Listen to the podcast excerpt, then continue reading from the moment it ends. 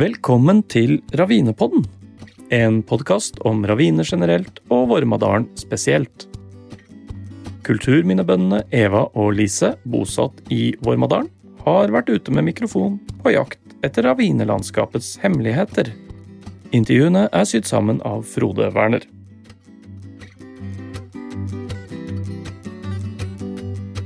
Vi bor i et landskap som er unikt i verdenssammenheng, godt gjemt og nesten glemt. Med podkasten ønsker vi å gjøre denne kulturhistoriske perlen bedre kjent.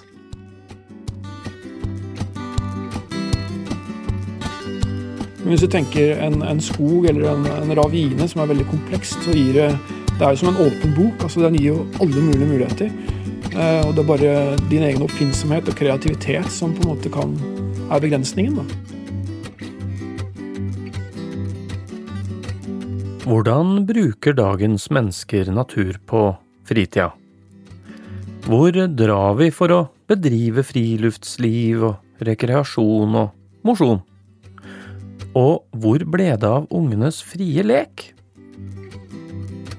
I episode ni møter vi han som forsker på norske folks friluftsliv, pluss to av dem som trekker nye grupper ut i ravina. To har boltra seg i ravinedalene som unger, og den tredje har funnet en kreativ måte å presentere ravinedalene for dagens unger. Vegard Gundersen er seniorforsker ved NINA, Norsk institutt for naturforskning. Forskningen hans viser annet hva som er den ideelle skogen i friluftsfolkets øyne.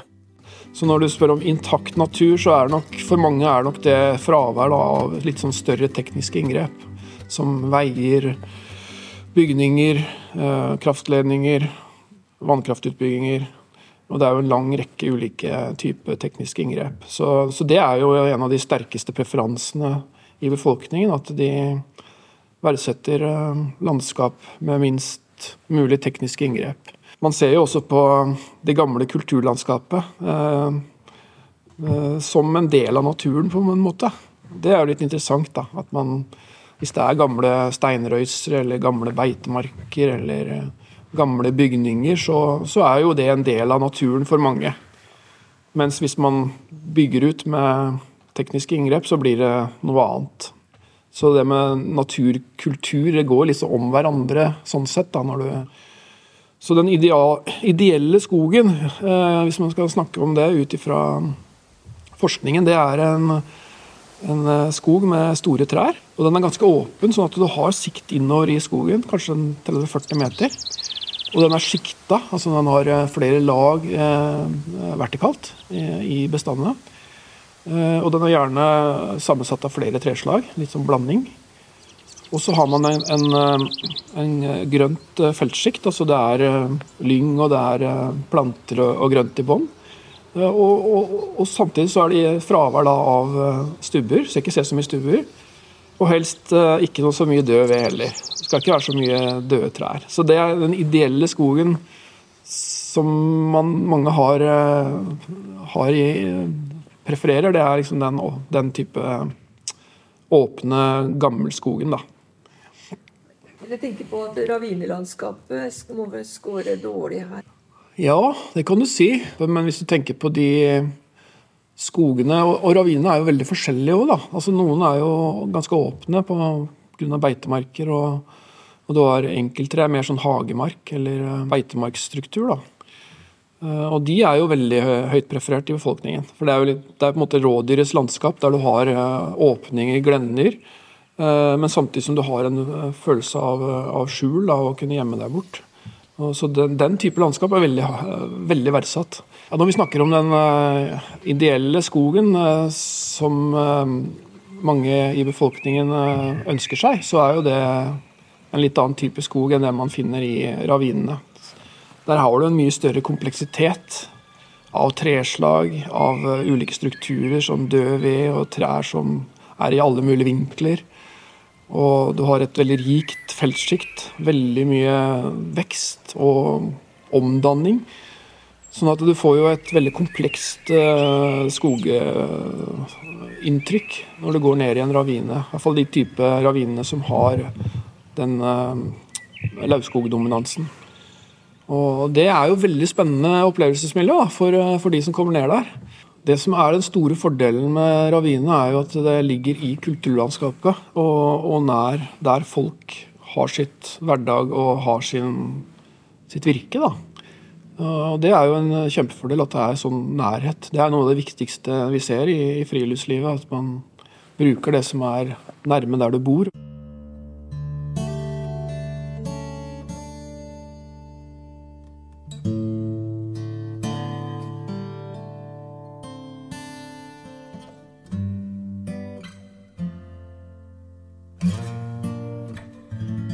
Vi ser jo at folk er mer og mer opptatt av tilrettelegging.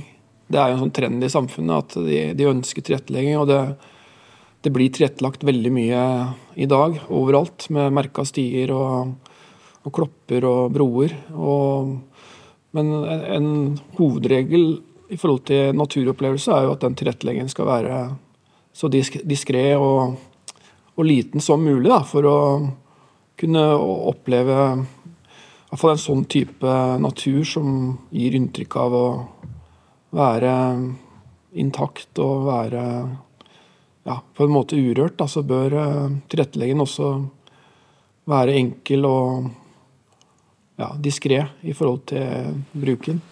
De aller fleste følger jo merka stier. Det er, det, kanskje 80-90 av de som er på tur, de følger den tilrettelagte naturen. da. Men så er, så er det en, en, segment og en, en, del folk som går ut av stien nå. Men klart terskelen for det den har jo blitt større med tiden, egentlig. Fordi folk er mer og mer knytta til den infrastrukturen. Jeg, jeg, tror kanskje ikke det er så veldig store konflikter mellom uh, friluftsliv og, og dyreliv, f.eks., eller vegetasjon da, i, i ravinene. Det er, de, når det gjelder vegetasjon, så tåler jo de mye tråkk, og det er jo så veldig raske prosesser som klare å reparere ting. Så det, Der er det jo veldig lite konflikt. Og Når det gjelder dyrelivet, så er jo mange av disse ravinene refugieområder for eh, elg og rådyr og, og hjort og, og hjortedyr og rev og sånt, som bruker det som en sånt hvilested på dagtid. Altså, men disse ravinene jo, gir jo så mange muligheter for skjul, så ja, konflikten vil antageligvis være ganske liten. Altså, du går ned, og, og et rådyr eller en elg blir eh, var der, men trekker seg bare litt unna og finner skjul veldig raskt. da. Antagelig så vil det ikke være noen store konflikter i forhold til forstyrrelse. Det er heller det at det er så mange ting å oppleve der, med rikt fugleliv og, og, og dyreliv generelt, at, og all vegetasjonen, at det er jo helt fantastiske opplevelsesverdier. og Som spiller på alle sansene. Det er å gå ned i en ravine. du har og de kroppslige erfaringene. ikke sant? Nå må du bøye deg og komme under trær og over trær og hoppe over og liksom bruke hele kroppen. Så du bruker den delen av, av sansene dine. Og så er det jo det visuelle. ikke sant? Det er komplekst og masse som skjer. og Du blir veldig sånn fokusert på det som, som er å se på. Kan tenke deg Hvis du går i en veldig sånn eh, monoton skog, en furuskog, hvor du ser hundrevis av meter framover, så, så, så, så, blir det en, en, form for en kjedelig opplevelse. Og det er litt sånn interessant når du ser på uh, hva folk foretrekker. altså hele verden så, vil de ha ganske åpent uh, landskap. Fordi de vil ha, Dette er noe som vi har nedarva gjennom genene våre. Så vi vil vi kunne se uh, byttedyr og, og, farer og ha oversikt. Men samtidig vil vi kunne gjemme oss. ikke sant? Vi må gjemme oss fra store rovdyr, og vi vil gjemme oss for fiendegrupper. Så det er jo en sånn gammel nedarva preferanse vi har, da.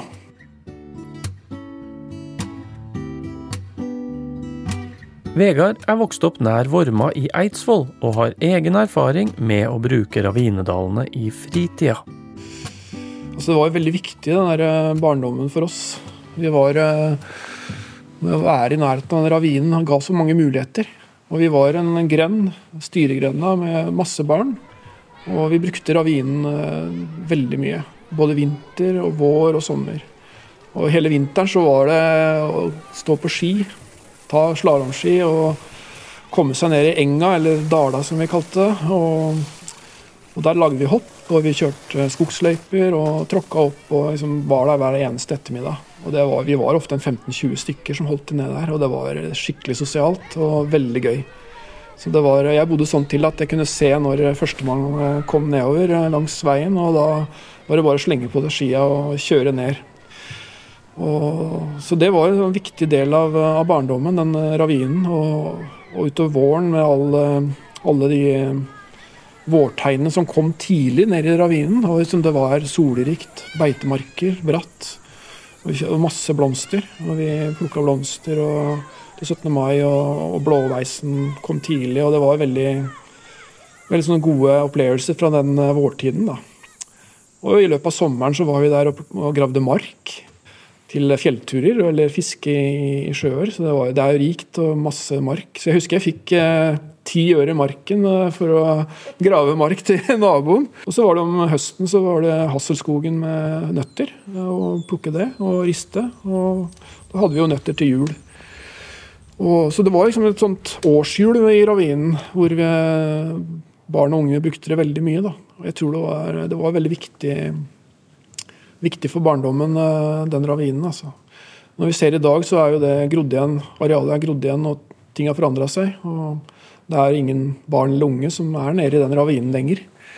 Så det er jo et tegn som viser at, uh, at det har endra seg, da. Den uh, barns og, og, ungdoms bruk av natur. Og den frie leken er, er jo, har jo endra seg stort i forhold til den barndommen som jeg opplevde for 50 år siden.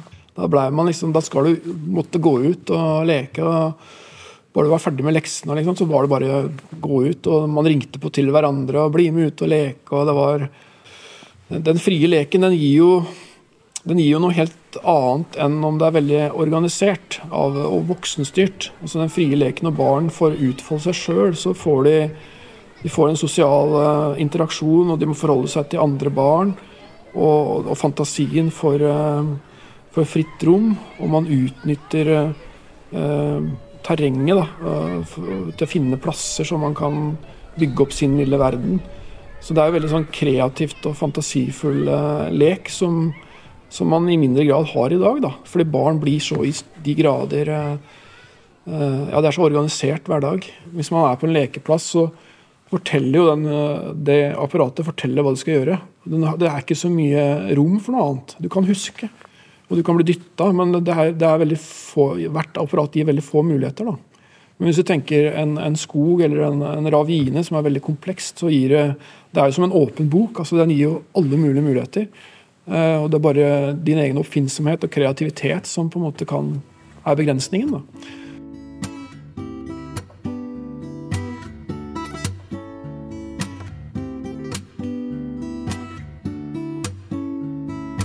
Det er jo veldig viktig at det blir brukt, og at man legger til rette for bruk. Eh, og det, det som er det viktigste der, er at folk for det første blir klar over verdiene i det.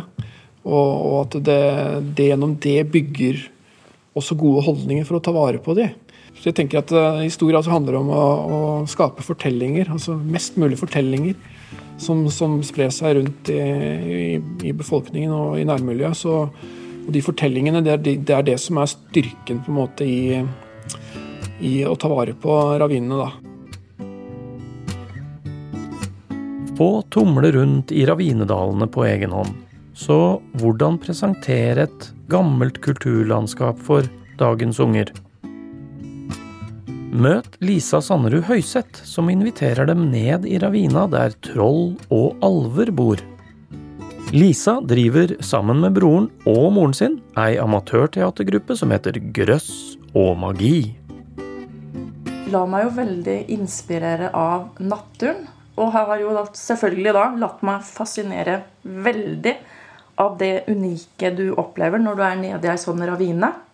Det som er den ekte jobben min, da, det er jo å jobbe med unger med spesielle behov. Og jeg driver veldig mye med eh, spesialundervisning og jobber eh, med opplæring av barn. Eh, og når vi fikk ideen om å lage Vi har jo da laga et teaterstykke som heter 'Trollpinnen'. Som vi har skrevet manus og laga stykke for ravinelandskapet og, og en ravinedal.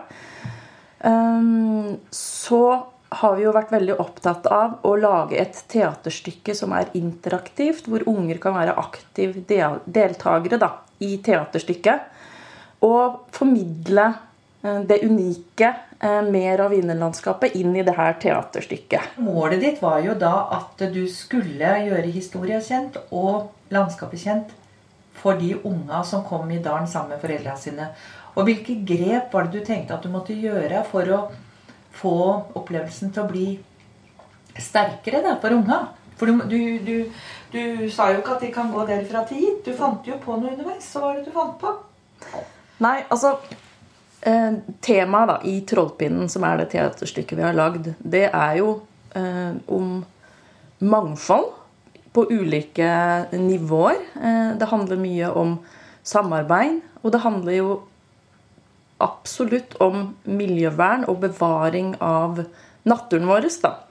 Sånn at vi eh, Og vi veit jo at disse ravinene som er her i Nes, de er trua. Sånn at vi prøvde jo da å lage en historie.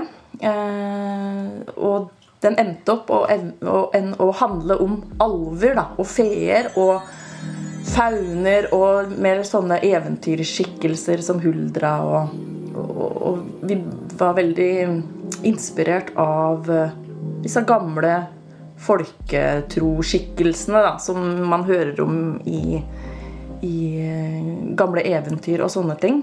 Så vi lagde da ei historie om alvene som bodde nede i denne ravina, eh, men som var trua fordi de hadde et magisk tre som var i ferd med å dø. Eh, Pga. menneskers uforstand og forsøpling og, og ødeleggelser. Eh, og gjennom vandringa så møter jo da unga i dette teaterstykket ulike fantasiskikkelser som forteller om deres historie, da. Så vi håper jo liksom at unga skal bli berørt av den på en måte trusselen da, om de miljøødeleggelsene som dette alvefolket uh, er trua av, da. Og at de unga gjennom eh, å hjelpe og samarbeide med eh, alvene kan på en måte redde Ravinedalen. Jeg har jo mm, vært oppvokst med ei treleke som eh, foreldrene mine kjøpte på en tur for mange mange år siden. Og den treleka vi kalt Trollpinne, som da også er navnet på teaterstykket.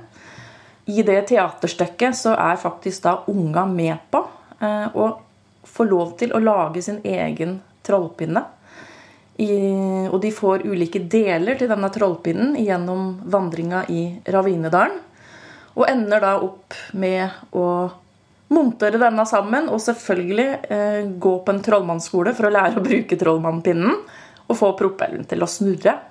Og så er det sånn at når den propellen snurrer, så dannes det magiske krefter som gjør at dette treet da, som vi har lagd i vår fantasihistorie, som vi tenker at vokser i Ravinedalen, det får da sendt livskrefter tilbake til seg, og barna er da med på å redde treet og redde Ravinedalen. Det jeg håper og jeg tenker, er jo at vi gjennom å plante små frø, da, hvor viktig denne Ravinedalen er, hvor viktig det er å bevare det naturmangfoldet vi har i Norge, eh, så håper jo da at Får man bare planta mange nok frø, så um, vil flere bli bevisst på det. Uh, og barn er jo de som på en måte skal ta over jorda vår.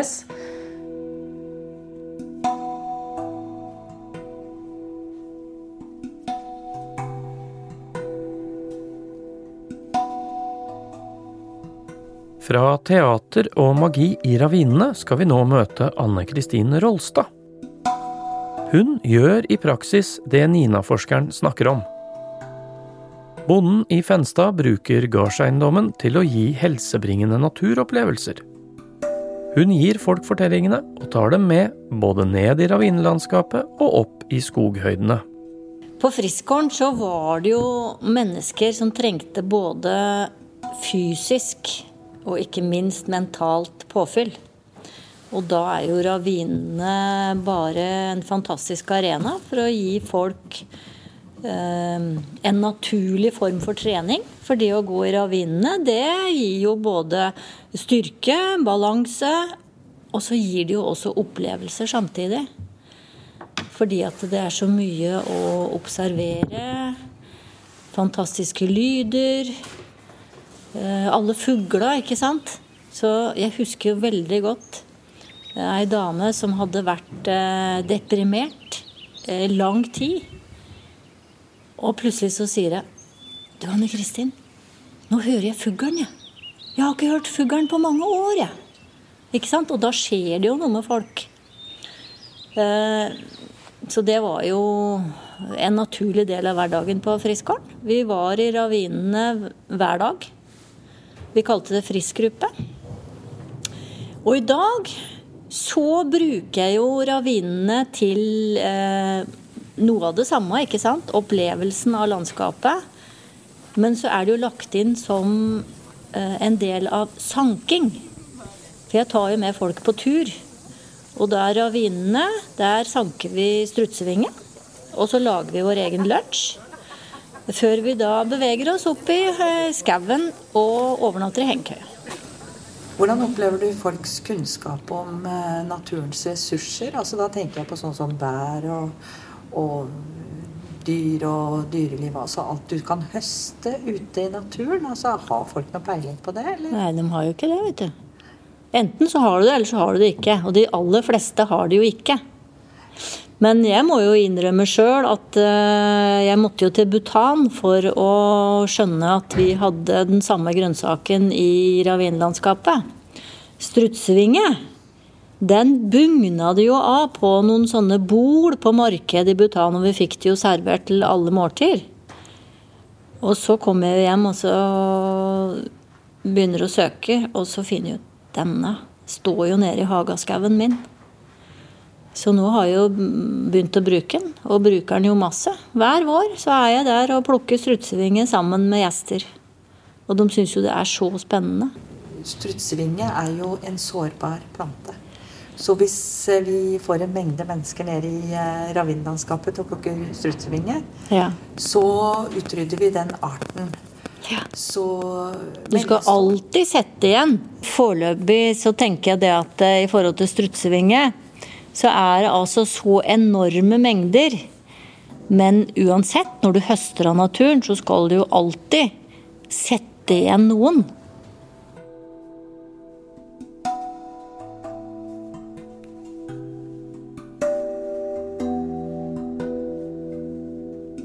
Du har så store variasjoner i ravina. Fordi at det fra da hvitveisen og strutsevingene, og hvor alt landskapet egentlig er ganske ryddig Og så kommer buskaset opp, og brennesle og orderen, og det er egentlig som å gå i en liten jungel litt seinere på sommeren.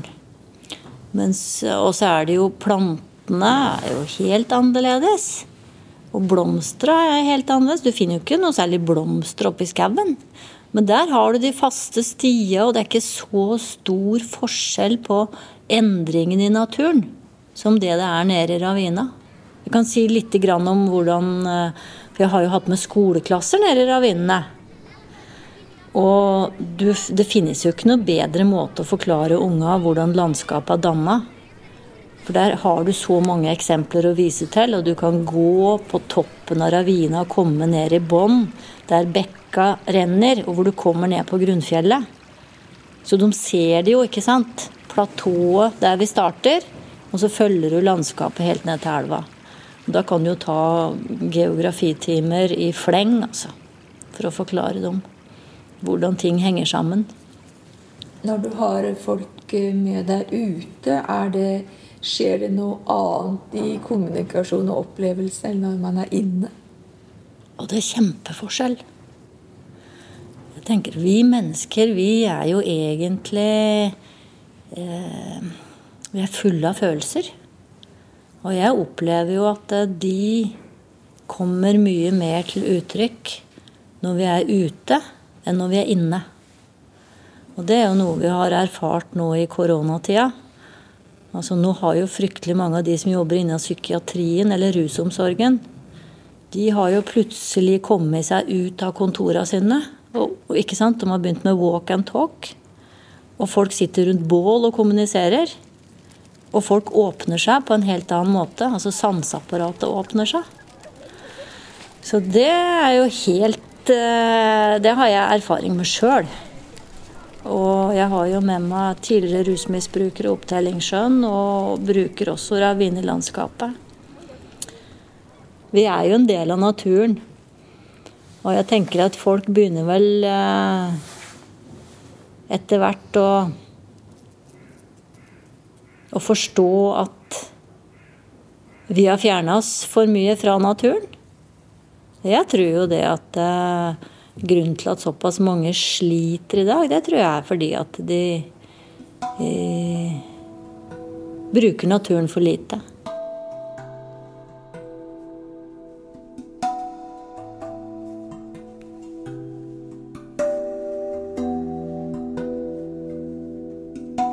Men en ting som jeg har lyst til å fortelle, eh, og det er jo sånn som vi holdt på da vi var små.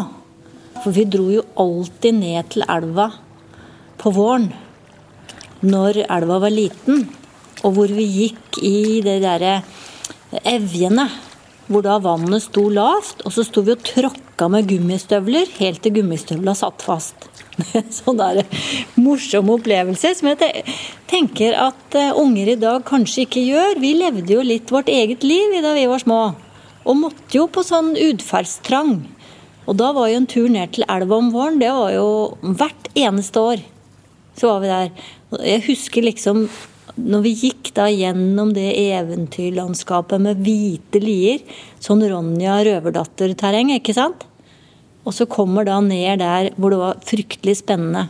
Egentlig litt ulovlig område, fikk ikke lov å gå dit. Men der var vi jo selvfølgelig hver vår. Og satte fast gummistøvla hver gang. Og jeg husker jo til og med en gang at vi ikke fikk den opp. Og da kommer du jo ned i den der leirestrukturen som blir helt seig og blaut. Og du liksom kjente at du ble sugd ned i leira. Det var fryktelig spennende, altså.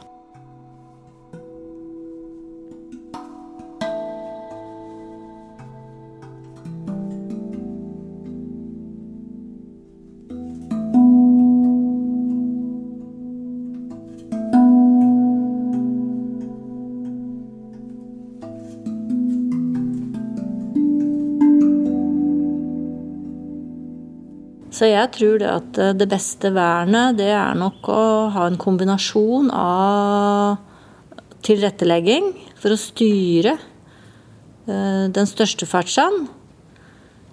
Og så tror jeg det at eh,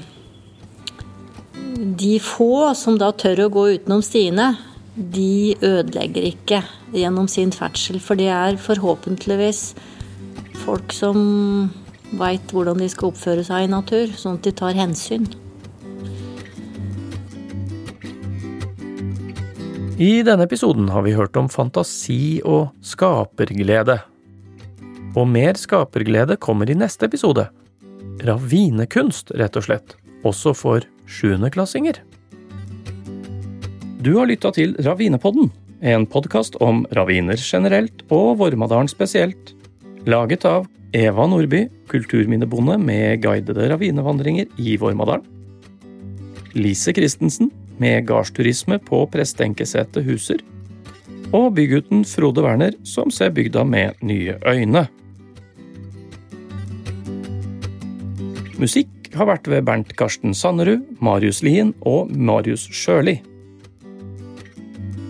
Og gjerne lik og abonner på oss der du finner podkasten din.